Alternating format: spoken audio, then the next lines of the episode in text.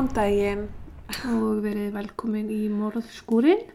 Já, Ég er Jóhanna ég þúrtís. og eins og vanlega ætlum við bara að vinda okkur beint í það.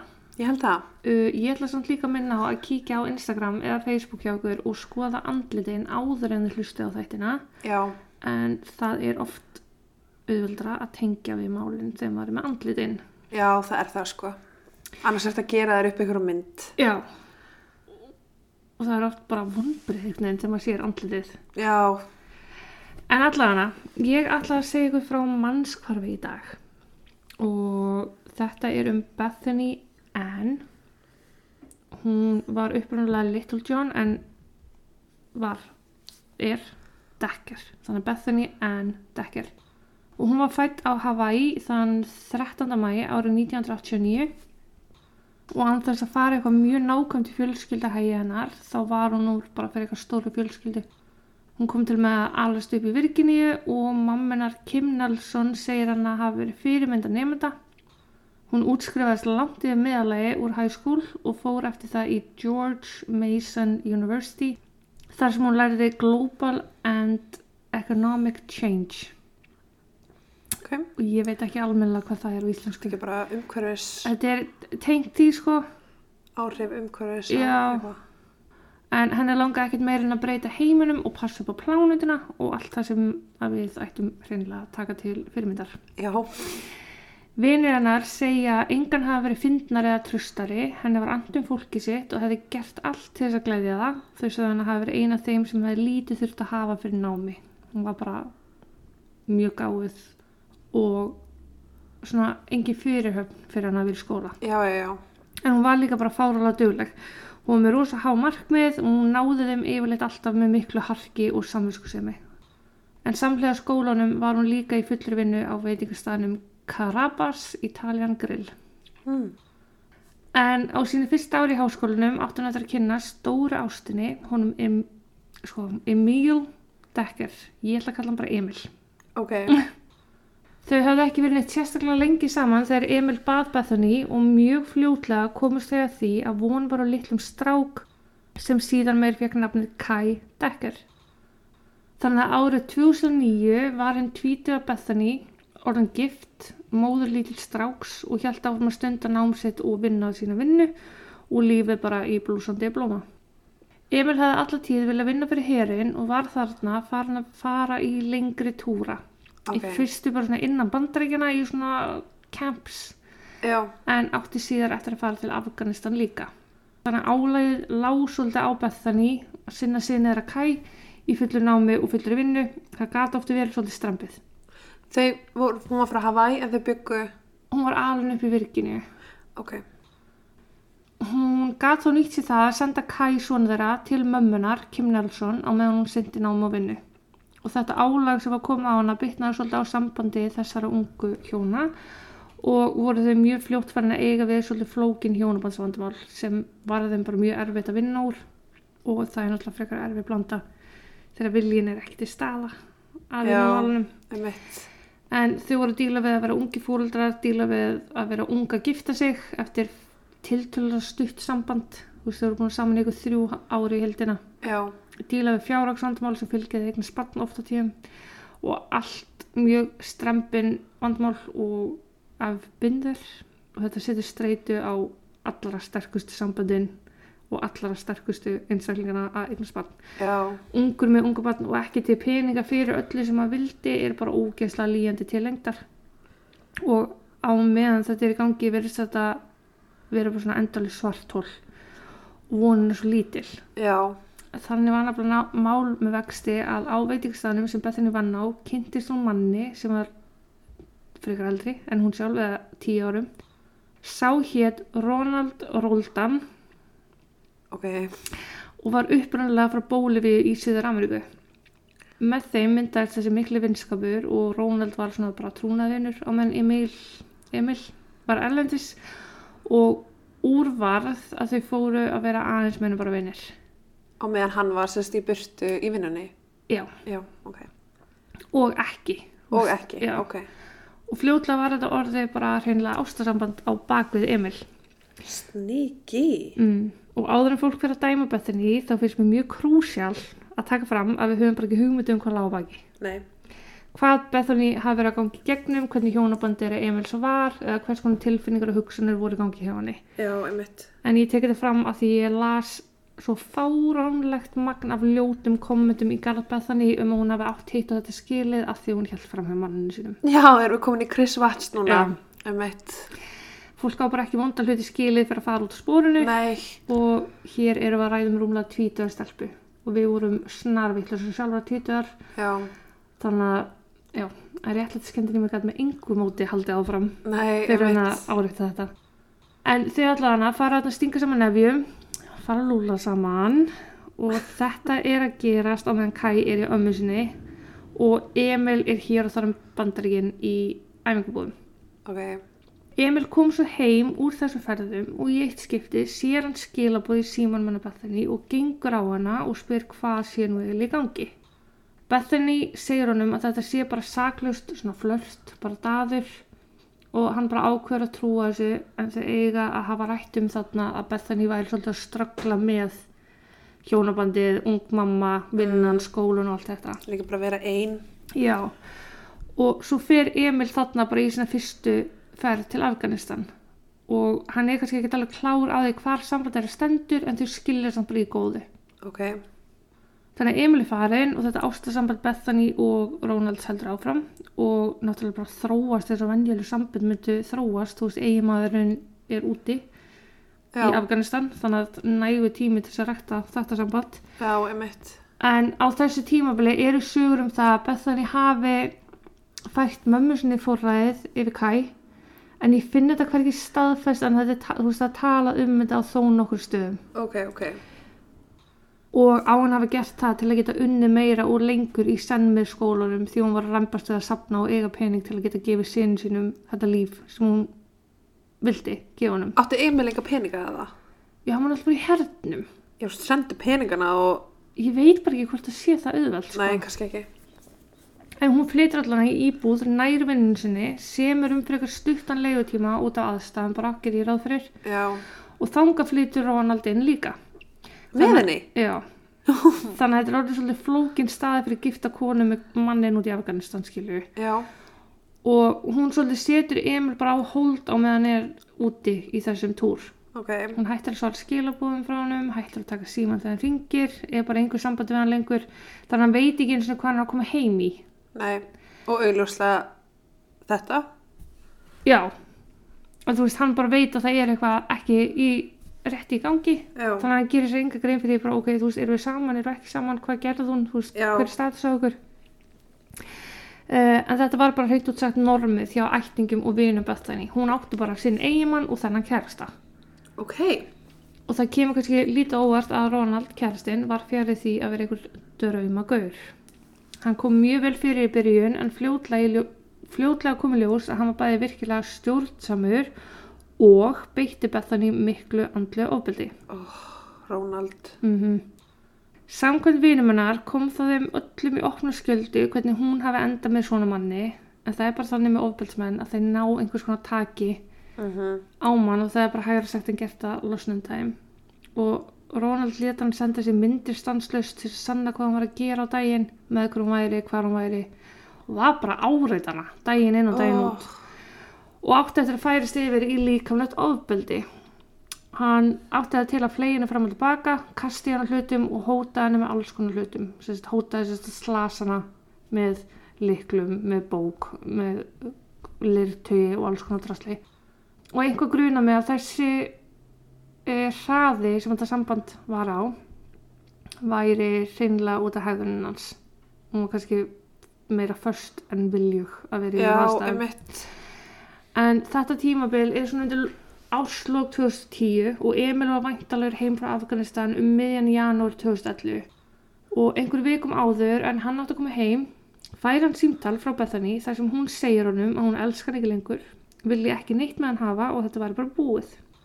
Og í bakgrunn heyrir Emil í manni sem var að áfram í því sem hún var að gera Uh, þvingað, svo Já. mikið. Þannig aftur, Ronald er fíbl og Emil hafði enn minni hugmynd um hvað að koma heim í þegar hann kemur heim frá Afganistan. En hann kemur þá heim 17. janúar og hann er bara spenntur að hitta són sinn, spenntur að hitta konun sinna og bara spenntur yfir því að vera ekki á stríðsvæði í Afganistan Já, og bara svolítið tilbúin að tækla hvað svo sem væri í gangi. Þau hjónin hittast, ræða saman, Bethany hann frá því að jú, hún hefur verið ástasambandi með þessum manni. Þau væri búin að meira meina búa saman en ekki bara það, hún væri ófrísk og væri gengin fjóra til fimm mánuði með barnið. Sæl, ok. Þannig að Emil færi auðvitað bara svolítið rótögg en er bara ok, við bara vinnum með þessu, vinnum bara kringum þetta, ég tek þetta tilbaka, bara ekkert mál, þú veist, við bara, Hún var sérst óleitt eftir Ronald. það er svona, það fara tvær af því líka, Ok, ok. En það er gert fastla ráð fyrir því að hún hafi verið óld eftir Ronald. Ronald, Já. ok.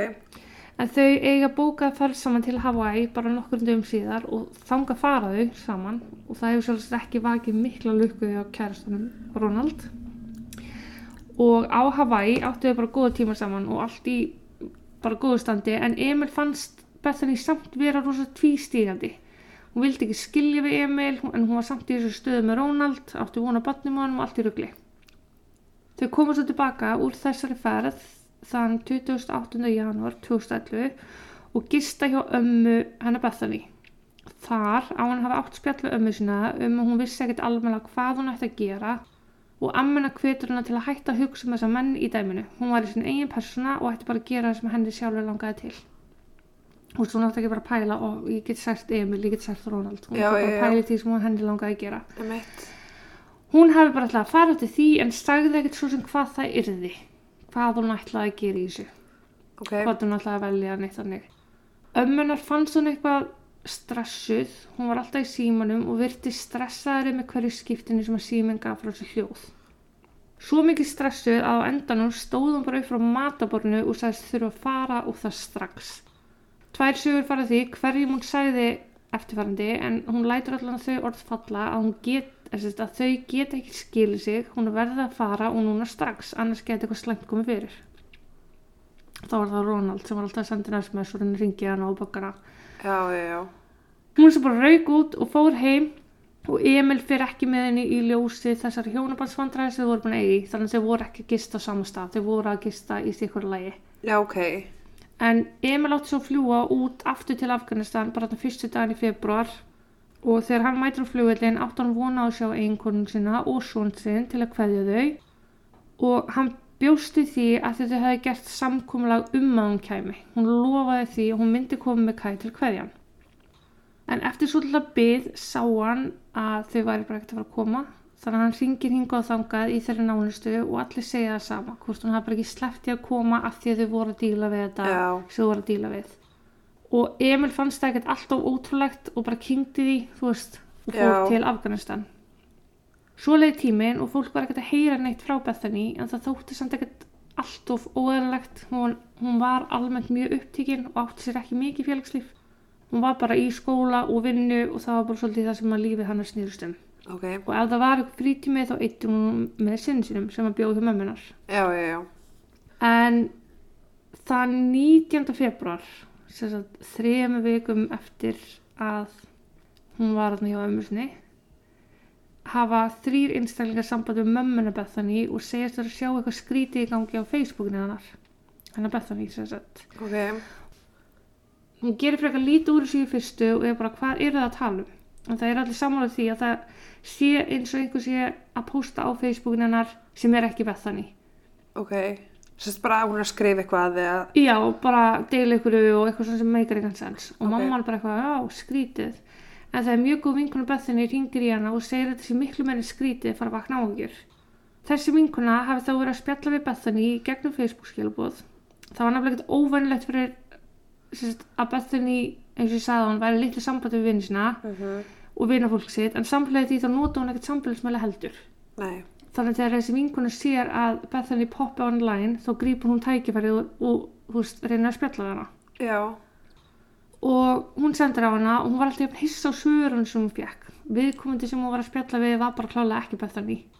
Hún verður mjög klár ákveða að leiða samræðnar áfram samt bara upp á sína eigin sannfæringu veist, að þetta var ekki hún og fyrir að spyrja bara um hluti sem bara þær tvær vissu um og Bethany innan geðslepa var með öll svörun raung eða þá hunsaði og skipti um umræðefni þess að fór bara forðast að svara Já, úr þessum spurningum. Þá hafði þessi vinkuna ringt í mömmunar og verið bara, herðu, ok, þetta er ekki lægi það er eitthvað meira þetta við gangi við höfum ekki hýrt í einu lengri tíma og svo þetta.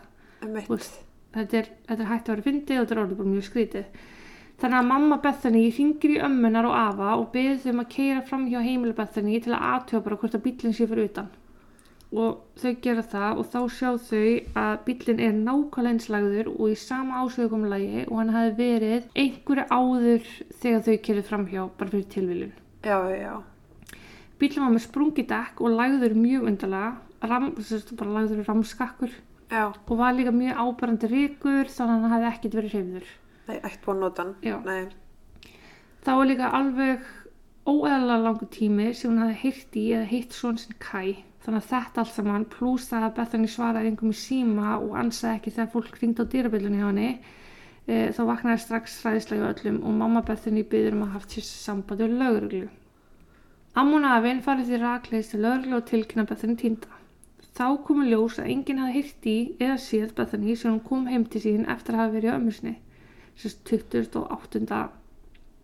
janúar sérst, deginum áður en að hann fór út, Emil, Nei, það voru, þetta voru alveg þrýr, fjóru dagar. áður. Já. Ok, Síminn hennar hafði ekkert verið notaðir síðan 29. janúar þegar hún hringdi vinnuveitandi sinn kl. 14.08 þann daginn til að staðfesta vinnuplanin sitt. Hún hafði þó aldrei mætt í vinnu, ekki eins og kvöldi sem hún heyrði í vinnuveitandurum en það var hennar vakt.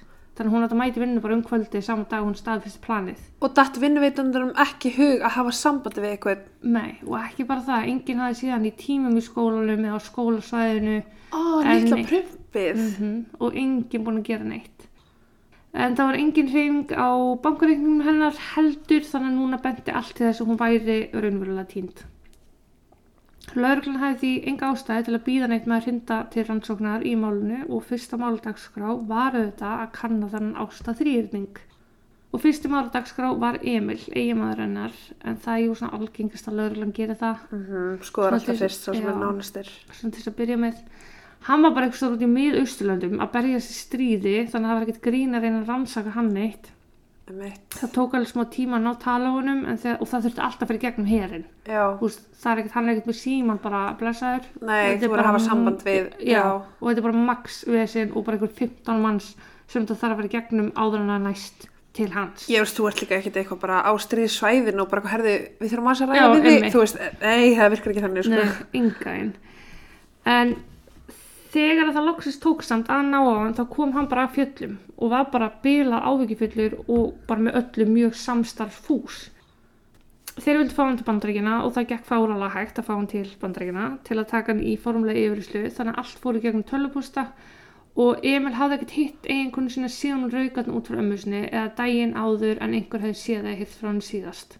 Já, Hann kom þá að lókum til bandaríkina, fór í form, formlega yfirheyslu og tók líka leiðapróf og stóðst það og var því þannig fljótt útlökaður sem grunar í málinu og ég er bara saman á því.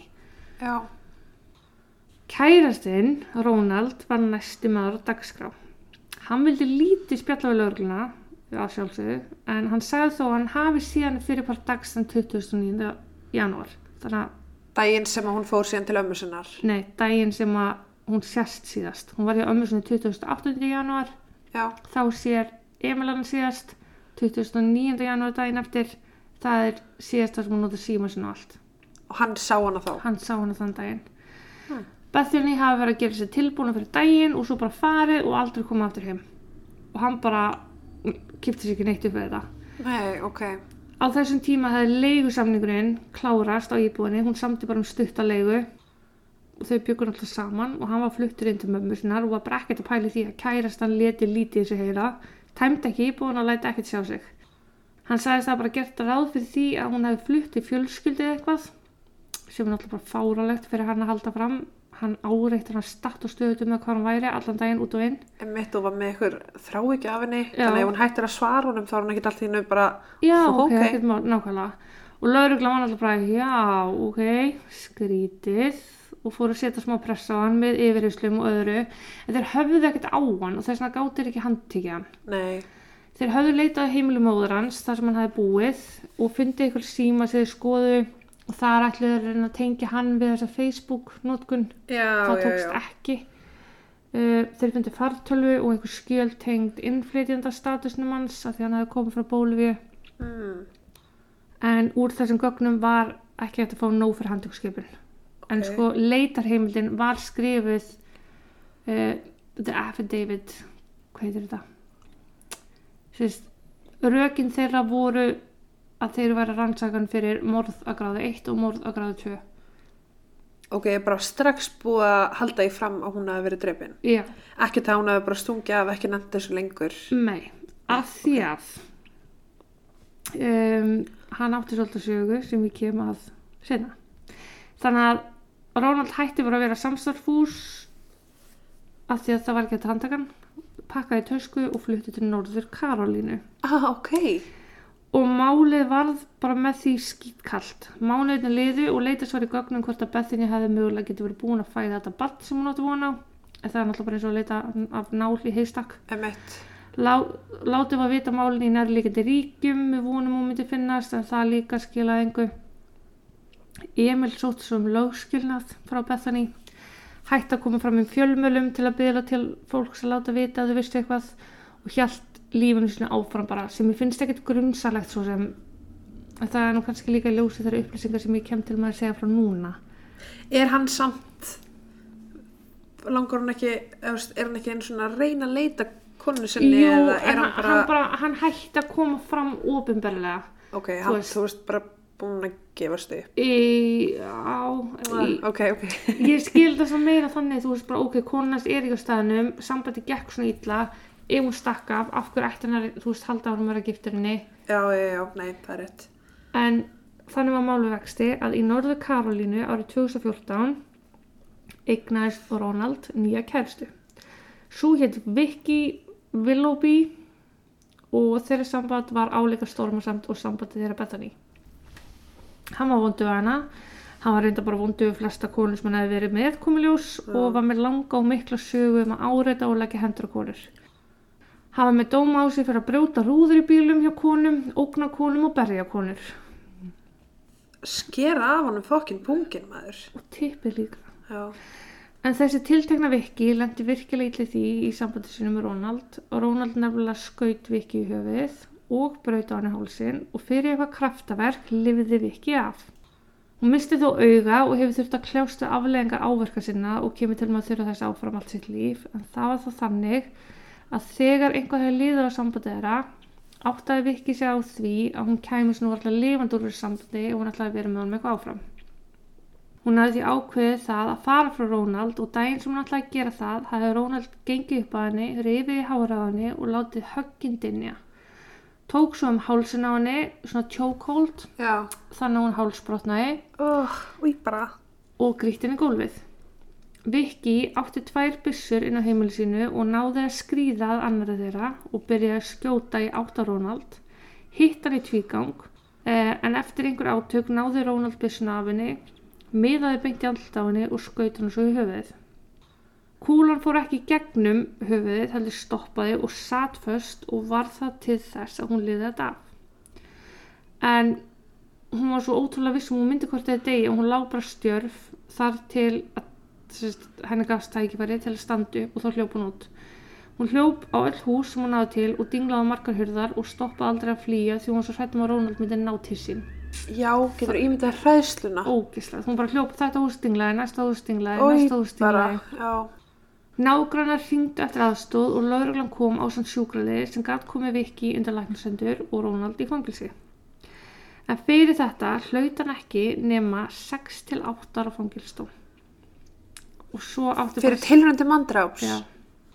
Og átti svo að senda hann aftur til bólivið þaðan sem hann upprænlega var og hann sko fekk þetta voru þrjár ákjörur sem hann var um, dæmdu fyrir að hann játaði tvær þeirra og þá fekk hann vægari dóm í kjölfarið. Já, Þetta það var, var örgulega líkamsára og Já, þetta var tilhundum mandráps uh, að skjóta úr vopni fyrir eða, í kringum eða, sagt, í almenning já, og hérna að ráðast á konu. Ég veist ekki eins og það væri spes. nei, en geggjað. Já. Vicky segir frá því að Ronald hefði margsinni skorta sig að því að hann, hann gæti látið fólk hverfa og hefði í nokkur skipti sagst hafa, enda í kvót, stútað Bethany. Ok, félagi. Ronald satt í fangilsi og átti að losna núna í fyrra og verið sendið til Bólivíu en einhver náði lauruglun að snúist í máli Bethany á meðan hann var á meðan því að hann var handtekinn aftur og ákærður fyrir the abduction of Bethany Decker Án líks. mm og bara the adoption, ad, abduction Hann var rættinni. Já. og frá með uh, nómur fyrra hefur hann verið í haldi lauruglunar í Lútonsíslu sem er þarna í virkinu og situr í fangelsi á þeirra vegum með yngum sjans á að borga tryggingu til að losna sem segir okkur eitthvað. Já. en þetta er þá allt í réttum farfi en lauruglan hefur yngar nýjir upplýsingar gefið og heldur málinu vantalega mjög nála sér til að ná neglan fyrir þetta. En það er svona spurning um hvort þú tækir no body morð ákæru eða hvort þau haldið sér við mannráns ákæruna Sem er alltaf vægur dómur. En ég Já. meina, þú veist hvað er hann orðinn gamall? þrítur, færstur, rúmla Já, ok. en ég er mjög spennt að sjá hvernig það fer en kóið náttúrulega hægir á öllu Getur bara- ekki bara dreip? það væri óskandi en það er allavega ekkert réttar haldið að þú veist, rannsóknunar eru ekki gefnur út þannig að við vitum lítið en kenningarnar, kenningarnar í þessu eru bara þetta sem við séð áður hún lét sér hverfa kærasti myrtana, maðurinn hennar myrtana og það er lítið að ræða finnst mér úr því að Ronald var handtekinn og ég er bara viss um hann ég, var bara viss um hann væri svo seki frá því að ég byrjaði að skota hann Já. Ég held nefnilega að hún hafi eftir þetta samtala við ömmuna ég er svo viss um að hún hafi farið heim og alltaf hægt með Ronald Já. og byrja með Emil aftur Já. og þessum finnst mér svo sorglætt að hann hafi bara sótt um skilnað Æ, já. og vita ekkert en á samaskapið og skilja hann mjög vel en þetta er algjört ógeð og ég vissi ekki því ég byrjaði að skoða málið að hún hafi þú veist ég ætlaði að svoleiðis að fara í alla kenningarnar svo ég bara augun í það að hann hafi verið handtekinn aftur Já. þannig að hann er bara vonandi á liðinni inn í mjög mörg ár fyrir, það var svo geggjað að taka nobody morðið, Já. þú veist, ekkert lík En það er, þú veist, það er líka bara þetta, þetta heitir trauma bonding. já, þetta er svo stalmáðan Já, Já. sem ég var að tala um þann. En þú veist, það er bara, þú, þú bondar tengsl við mhm, óbensmann já, og það er ekki tægt að slíta þig frá því, þú veist, eins og fyrir hana að vera með Emil sem er alltaf í burtu og er kannski fullkomin maður. já, það, sko En að vera Var með. Ronald, þú veist, þið myndi einhver ákveðn tengst sem að enginn getur skilið nema að hafa lent í þessu nákvæmlega sama. já, Og það veist, er ekki svo auðvilt að segja bara, akkur ferði ekki, akkur, þú veist, gerur ekki þetta bara, mhm, þú veist, það er bara eitthvað svona, oh, það er mér erst ógæslegt eins og að tala um að fólk sé alvörunni að kenna henni um það, akkur hún fór ekki sjálf eða eitthvað. já, sko hverju hún- kommentin er bara auðvitað fóð svona fyrir henni, við hverju bjóst hún? Já, það býst enginn við því að stíða út af. Nei og þetta er líka bara, veist, að þetta er meira en að segja það, já, veist, En þetta með hérna, þetta trauma bonding, ég geti trúið sko að það hafi hinnlega verið auðvöldar fyrir henni að vera í þessari eigimanns kærasta krísu heldur en að fara frá honum af því auðvitað hún reyndi að fara frá honum held ég og var líklega strefin fyrir það. emitt.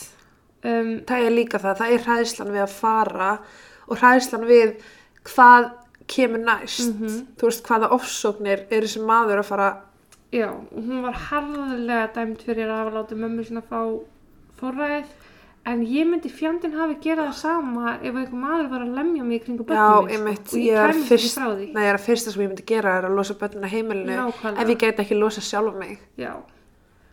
Og, en ég glemdi að taka það fram, íbúin hennar var skoðuð og það var ekkert þar inni. Sem Sagt, en að nota luminol það var alltaf rannsaka, sko. Ok. Já, þannig að það var, ég gerir fastlega ráð fyrir því að það hafi notað luminol. þannig að hann getur þess að bara tekið henni bílferð Sko það var bara, sprungi á bílnum. þannig að hann getur ekki tekið henni bílferð Jú, ég held að hann hafi kyrt eitthvað og það hafi sprungi á bílnum. já, eða hann hefur sprengt ekki svo hún komist ekki burt sjálf Já, já, það. að það hefði líklegast komið fram ef að það verið sprengt af mannaveldum, að það verið stungið eða eitthvað. Ég, veist, ég veit ekki hversu oft ég er búin að keira fokkin naglaðin á völlunum sko. Já, true. Þannig ég get alveg stekið nagla og stungið ykkur dekk. Það hefur enginn held ég fengið sprungið dekk jafn oft að þú sko. Ég veit það. Það búið að gera sko áttasunum á tveimur árum. Já, Sem er bara, ég, veist, ég er fastagestur hjá þeim sko. Þú veist, ég er komið svona fá afslátt á klippukost. tíundaskipti frýtt að laga dekk. Oh my god. Já, en þetta var stutt að laga gott. En við erum örgulega samanlega það að Rónald gerði eitthvað slæmt. Uh, já, Ég held það. en ég, já, ég væri það allan að til ég veit, er ekki búið að koma neinn í ekki að vera 2019 sem að 2020. 2020 það var í fyrra. Að Já, ok, þannig að það er alltaf bara væntilega að vera að vinna í Já, það er bara allt í ferli. En ég kem með bara upp til ég er búin að ég er alltaf að sjá þess að ég komist að ég hvernig það fyrir þeim. Mér finnst bara alltaf með svona mál þú veist, ok, ég er ekki sérfræðingur en þú veist, eins og var til dæmis ekki að skoða símogagnin hans, hvort að síminn hans hafi verið pingað á einhverjum stað þú veist, dagana fyrir eða Það sko hvar var síminn hennar Já, síminn hennar fannst minnum en á heimilinu uh, Já, heimilinu hennar. þrjá símar sem voru teknir af heimilinu mömmu hans og það kom ekkert úr því. Kom ekkert úr því, þú veist, þannig að eins og ef hann hefði kyrt út á kvalur vatn mm -hmm. skilur við, og það hefði maður vægt alveg séð það. Að þetta er ekki ekkert- en það er líka sko þrjár vikur sem að líða þarna frá því að hún er tilkynnt tínd já, og hún leitir síðast.